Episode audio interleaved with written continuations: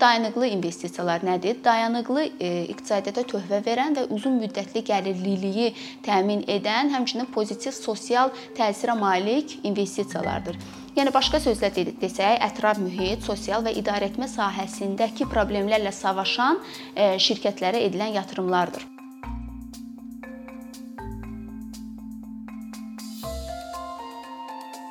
Dövrlər sosial, ətraf mühit və idarəetmə sahəsindəki problemlər hamının diqqət mərkəzindədir və hazırda ən çox eşitdiyimiz və qlobal problemlərdən biri də qlobal istiləşmədir.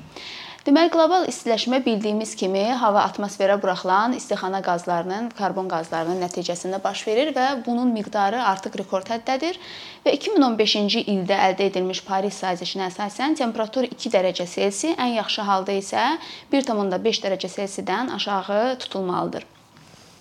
Lakin bu karbon emissiyasının e, bu sürətində heç bir tədbirlər görülməsə, sürəti azalmasa, 2100-cü ilə kimi temperatur 3 dərəcə Selsi arta bilər ki, bu da ekosistemə qarşı alına bilməyəcək zərərlər vura bilər.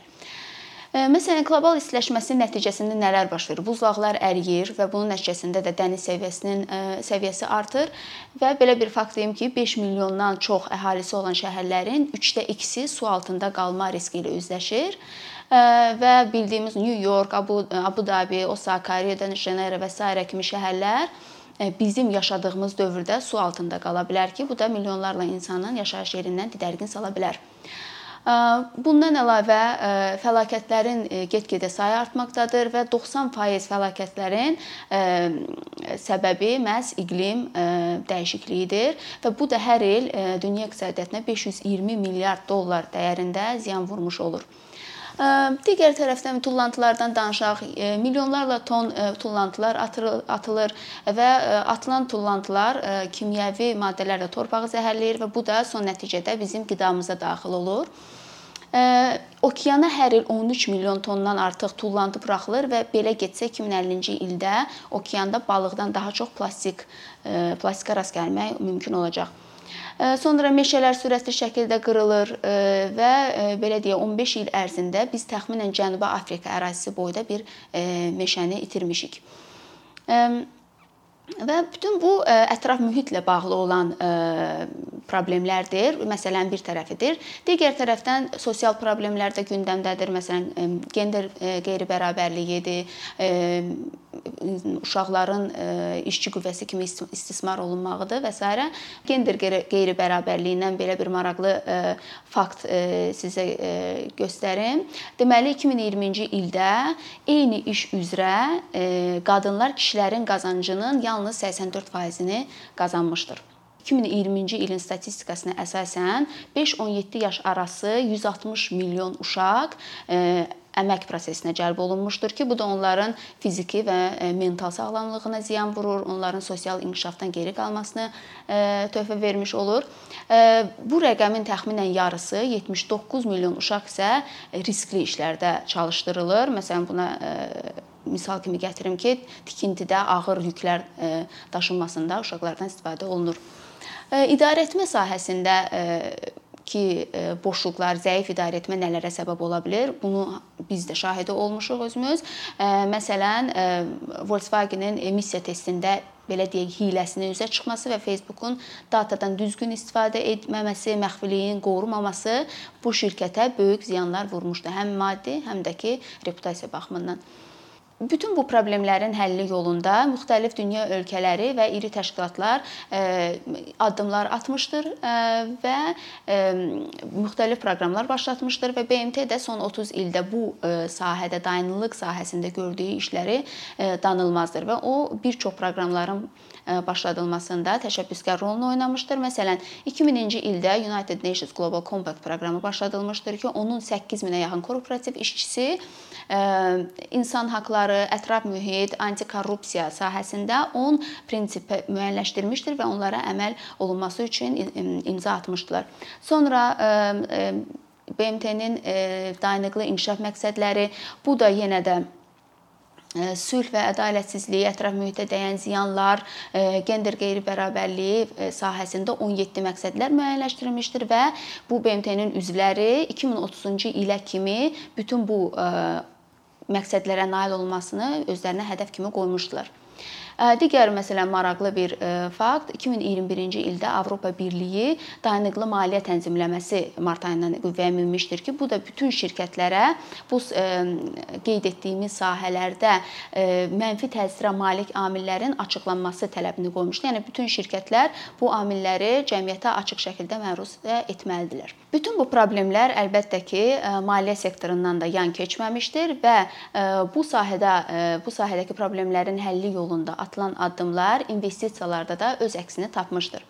Bu investisiyalara yanaşma müxtəlifdir. Yəni müxtəlif növləri var. Yalnız mən e, bir ikisini qeyd eləyəcəm və hər bir bu investisiya e, növü spesifik sahə üzrə edilən yatırımlardır belə deyək. Məsələn, birinci dayanıqlı investisiyalar nədir? Dayanıqlı e, iqtisadiyyata töhfə verən və uzun müddətli gəlirliliyi təmin edən, həmçinin pozitiv sosial təsirə malik investisiyalardır. Yəni başqa sözlə desək, ətraf mühit, sosial və idarəetmə sahəsindəki problemlərlə savaşan e, şirkətlərə edilən yatırımlardır. E, və e, məsələn 2021-ci ildə bu dayanıqlı investisiyaların miqdarı 35,3 trilyon dollara qədər gəlib çıxmışdı ki, bu da son 2 ildə 15% artım deməkdir. Sonra yaşıl investisiyalar var. Bu məsələn məhz təbii resursların qorunub saxlanması üçün edilən investisiyalardır. Bura məsələn misal göstərmək olar, tullantıların düzgün e, çirkləndirmənin düzgün idarə edilməsidir, e, təkrar emaldır, enerjidən səmərəli şəkildə istifadə edilməsidir və s. kimi sahələrdə olunan investisiyalardır. Sonra sosial investisiyalar var ki, bu məhz sosial sahədə olan problemlərin həlli yolunda e, qoyulan kapitaldır e, və e, buna da aid eləmək olar bəsit telekommunikasiyaya, enerjiyə və yaxud da tibbi xidmətlərə olan çıxışın təmin edilməsi üçün olunan investisiyalar. Və sonda etik investisiyalardan da danışmaq istəyirəm. Bu artıq investorların mənəvi cəhətdən qəbul etməyəcəyi xidmət və yaxud da məhsul istehsal edən şirkətlərin şirkətlərə edilən investisiyalardan imtina etməsidir. Məsələn, buna az çoxluq olaq deyək, xristian investorlar, onlar kök hüceyrələrin tədqiqatı, silah-sursat e, istehsal edən şirkətlərə investisiya etməkdən e, yayınır. Və yaxud da şəriət investorları e, faiz verən, spirtli içkilərdən gəlir əldə edən və yaxud da donuzla əlaqəli bizneslə biznesdə fəaliyyət göstərən şirkətlərə investisiya etmir. Və bu investisiya aləmində neqativ skrininq adlanır. Bu da o deməkdir ki, şirkətləri təhlil edərkən, yəni investisiya edərkən müxtəlif şirkətlər təhlil olunur, siyahı qurulur, belə deyək, hazırlanır və bəzi şirkətlər, məsələn, mənfi reputasiyaya malik şirkətlər həmin siyahıdan çıxarılır. Bütün bu sadalanan amillər ESG faktorları adı altında birləşir. ESG nədir? Environmental Social Governance, yəni bizim dildə ətraf mühit, sosial və idarə etmə sahəsindəki olan amillər. Və əlbəttə ki, bu amilləri, yəni ESG faktorlarını nəzərə alan investisiyalar isə ESG investisiyaları adlanır və yaxud da daha geniş şəkildə məsuliyyətli e, investisiyalar da deyilir. Bir çox investorlar bu ESG investisiyalarına e, qeyri-ciddi yanaşır. Bunun da səbəbi odur ki, bu ESG faktorlarını nəzərə alan investisiyaların gəlirliliyə təsirinin olmaması fərziyyəsinə inanmalarıdır. Lakin son dövrlərdə nüfuzlu təşkilatlar tərəfindən, şirkətlər tərəfindən aparılan araşdırmalar göstərir ki, bu ESG faktorları maddidir, yəni gəlirliliyə müsbət təsir göstərir. Yəni bu ESG faktorlarını nəzərə investisiyalarda nəzərə almaq investorların sosial məsuliyyət məsuliyyətindən əlavə həmçinin onların biznes maraqlarında olmalıdır. Gəlin baxaq bu ESG riskləri şirkətlərə nə kimi təsirlər göstərir. Məsələn, iqlim dəyişikliyi nəticəsində rütubət aşağı düşüb, küləklər güclənib və bu da yanğınların daha geniş yayılmasına gətirib çıxarıb. Məsələn, Pacific Gas and Electric şirkəti var. O 3 il ərzində 1500 yanğına səbəb olmuşdu. Bu da onun iflasa uğraması ilə üz-üzə qoymuşdu həmin şirkəti və həmin yanğınlar nəticəsində 85 insan ölümü olmuşdur və 180 minə yaxın insan da yaşayış yerindən didərgin düşmüşdür. Digər maraqlı fakt, Coca-Cola məsələn su çatışmazlığı ucbatından Hindistandakı filialını bağlamaq məcburiyyətində qalmışdır. Bütün bu resurslar, torpaq, enerji su getdikcə çox nadir və çox bahalı bir resursa çevrilir və bütün bu amillər iqtisadiyyatın geri qalmasına, zəifləməsinə gətirib çıxarır. Əlbəttə ki, bu institusional investorların qlobal portfelə malikdirlər və marketin bir hissəsi olduqlarına görə onların gəlirliyi də qlobal iqtisadiyyatın vəziyyətindən asılıdır. Əgər iqtisadiyyat zəifləyərsə, onların gəlirliyi də aşağı düşmüş olur. Ona görə bu ESG risklərinin qarşısı alınması onların maliyyə performansına da, gəlirliyinə də e, müsbət dərəcədə töhfə vermiş olur. ESG trendinin qlobal hal almasında iri təşkilatlar, iri şirkətlərin və suveren fondların da rolu böyükdür. Suveren fond dedikdə biz nə, nə nəzərdə tuturuq? Suveren fond dövlətin investisiya təşkil şirkətidir ki, bu müxtəlif maliyyə, yəni yığılmış pulları müxtəlif maliyyə vasitələri ilə, məsələn, istiqrazlardır, özəl səhmlər, alternativ investisiyalar, daşınmaz əmlaka investisiya edərək həmin pulları belə deyək artırır. Yəni gəlirliyini, yəni həmin yığılmış pulların üstünə pul gətirir. Və son illərdə 153 suveren fonddan 21% artıq ESG risklərini nəzərə alır. Mən bir sıra şirkətlərin də bu sahədə, yəni ESG sahəsində atdığı addımlardan da danışmaq istəyirəm. Məsələn, Sinqapurun böyük investisiya holdinqi Temasek 2021-ci ildə nüfuzlu aktivləri idarə edən menecer BlackRock-la birlikdə bir karbonsuzlaşma partnyorluğu yaratmışdır və onlar hər iki şirkət 600 milyon dollar sərmayə qoymuşdur və burada da məqsəd istixana qazlarının emissiyasının azaldılmasına töhfə verən özəl investisiya fondlarının yaradılmasıdır. Bundan əlavə Temasek 2020-ci ildə 2010-cu ilə nisbətdə e, karbon qazın portfoliosunun karbon qaz emissiyasını yarıya qədər endirməyə hədəf qoyub. Yəni portfolionun karbon qaz emissiyası deyəndə biz nəyə başa düşürük? Yəni bildiyimiz kimi portfolioda müxtəlif şirkətlər olur, investisiya edilən şirkətlər var və hər bir hər birdə məsələn bəzi şirkətlər müəyyən mənada, yəni daha çox mənfi mənada karbon istixana qazlarını töhfə vermiş olur e, və bu e, yəni emissiyanın azaldılması, portfolionun emissiyasının azaldılması dedikdə bu şirkətlərin portfoliodan çıxarılması deməkdir. Sonra məsələn Yeni Zelandiya pensiya fondu 2016-cı e, ildə 2020-ci ilə kimi portfoliosunun karbon emissiyasını 20%, yanacağı isə 40% azaldılmasını özünə hədəf kimi qoymuşdur. Və 2017-ci ildə bu məqsədə nail olmaq üçün 297 e, şirkəti öz passiv idarə edilən portfoliosundan çıxartmışdır. Əlbəttə ki, 2020-ci ildə o bu məqsədlərə nail oldu və 2025-ci ilə kimi daha ambisiyalı məqsədlər qoydu.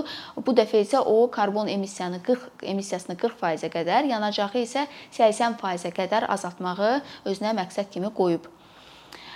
Və məsələn son sonra Norveç, yəni dünyanın ən böyük suveren fondu olan Norveç suveren fondu isə 2021-ci ildə 9 bu ESG risklərini nəzərə alaraq 9 e, şirkətdən e, şirkətə investisiya etməkdən imtina etmişdi və növbəti 14 ay ərzində 11.4 trilyon dollarlıq e, təbii sərvətlərə investisiya etməyi planlayır. Sonda isə çıxışımın əvvəlinə qayıtmaq istəyirəm ki, bütün bu danışdığımız ətraf mühit, sosial və idarə etmə sahəsindəki problemlərə həlli yolunda müxtəlif addımlar atılır, lakin bu addımlar kifayət deyil və bu dünyada kapitalın cəmləşdiyi iri investisiya şirkətləri bu problemlərin həlli yolunda e, resurslarını səfərbər edə bilər və bunu səmərəli düzgün şəkildə e, e, istiqamətləndirə bilər. ESG investisiyalarını prioritetləşdirilməsi də bu problemlərin həlli yolunda mühüm rol oynaya bilər.